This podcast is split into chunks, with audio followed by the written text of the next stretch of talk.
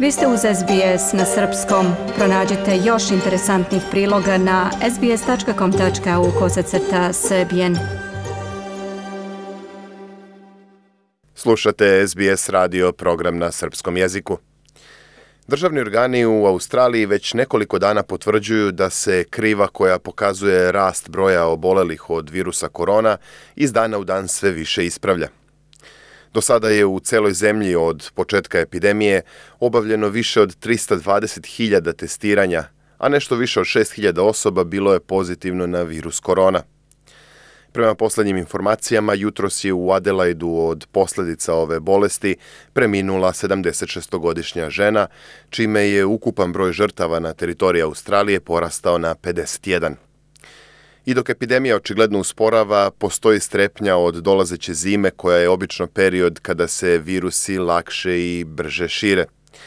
Država insistira da se poštuju restriktivne mere samoizolacije i društvenog distanciranja, ali sve više građana zahteva da se i vlasti pozabave problemom s kojim se suočava sve više podstanara.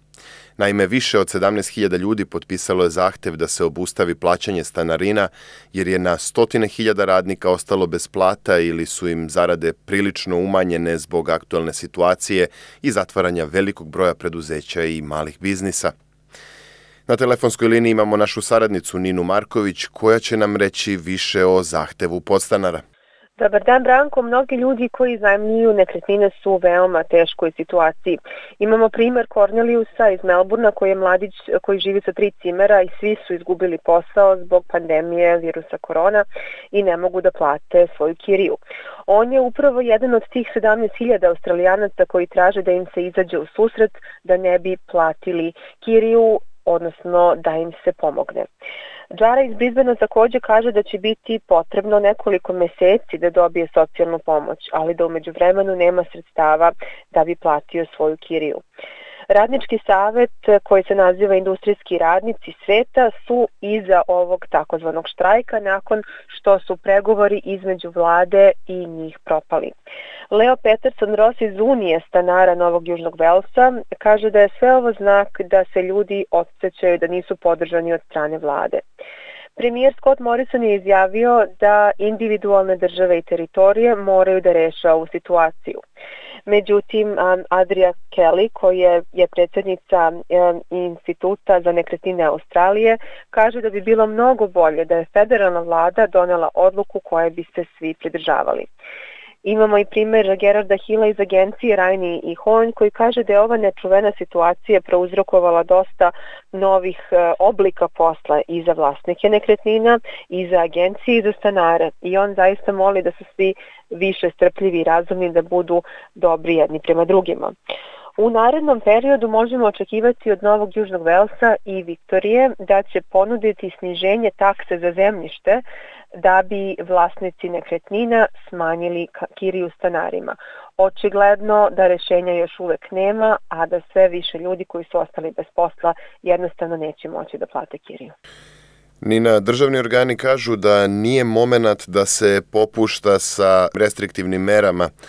Šta nas očekuje tokom predstojećeg produženog vikenda kada tokom četiri dana gotovo niko u Australiji neće raditi? Očekuju nas dosta restriktivnih mera. Stručnjaci i lideri država i teritorije upozoravaju da se ne smemo ni malo opustiti. Imamo poziv Australijske medicinske asocijacije građanima da se obrate lekarima zbog svih tegoba, ne samo zbog virusa korona i da ne odlažu svoje preglede zbog pandemije. Znamo da je sada preko 6000 australijanaca zaraženo, a preko 500 njih su dobili virus iz nepoznatog izvora.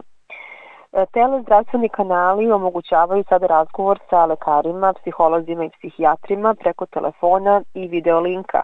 O, takođe su i usluge prevodioca dostupne, a oni koji ne vole ili ne poznaju da koriste nove tehnologije, po rečima predsednika Australijske medicinske asocijacije, oni mogu samo da se oslone na obične telefonske pozive i on kaže da svake nedelje u Australiji postoje desetine hiljada novih dijagnoza raka, diabetista, srčanih oboljenja. Ukoliko se ne pregledate, on kaže, imat ćemo veliki problem u zdravstvu kroz nekoliko meseci, veću stopu smrtnosti.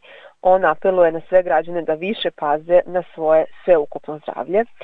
Takođe imamo naznake da će policija patrolirati turističke destinacije oni apeluju da ljudi ostanu u svojim kućama, da izbjegavaju odlazak u vikendice, kao što znamo da je ministar no, vlade Novog Južnog Velsa pronađen uh, u svojoj vikendici i za sada postoje dosta poziva od premijerke Novog Južnog Velsa da ga otpusti što je ona odbila.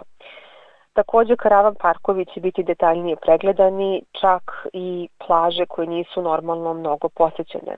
Premijerka Novog Južnog Velsa smatra da moramo biti još striktniji ukoliko želimo da se jednog dana prekinu ove restrikcije.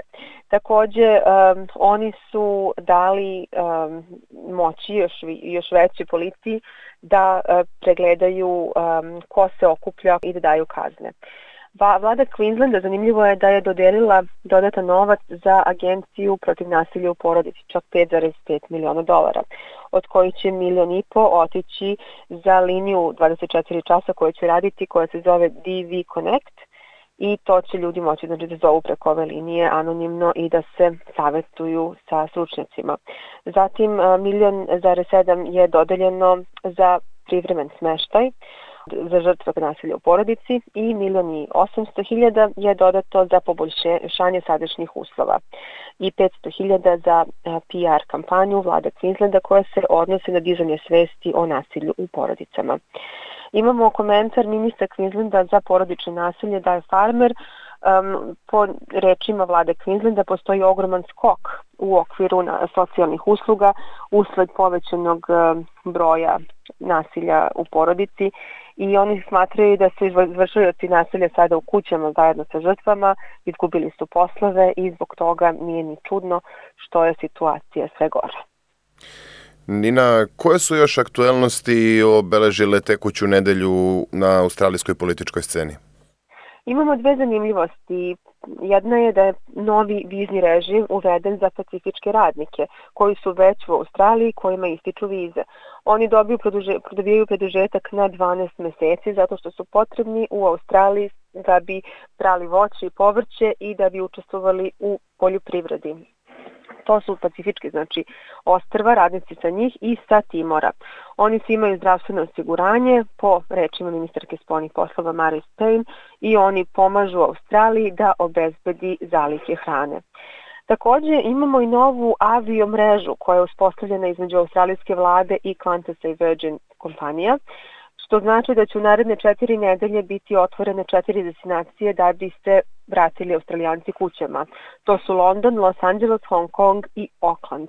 Znači svi oni koji žele da se vrate kućama, a nisu uspeli, zbog e, nedostatka letova ili ogromnih cena, treba da se obrate ambasadama i da saznaju kako da se ukrcaju na ove letove. Nina, hvala na ovom pregledu političkih dešavanja u Australiji. Bila je to naša saradnica Nina Marković. Ostanite uz SBS radio. Dajte like, podelite, komentarišite. Pratite SBS Serbian Facebook profil.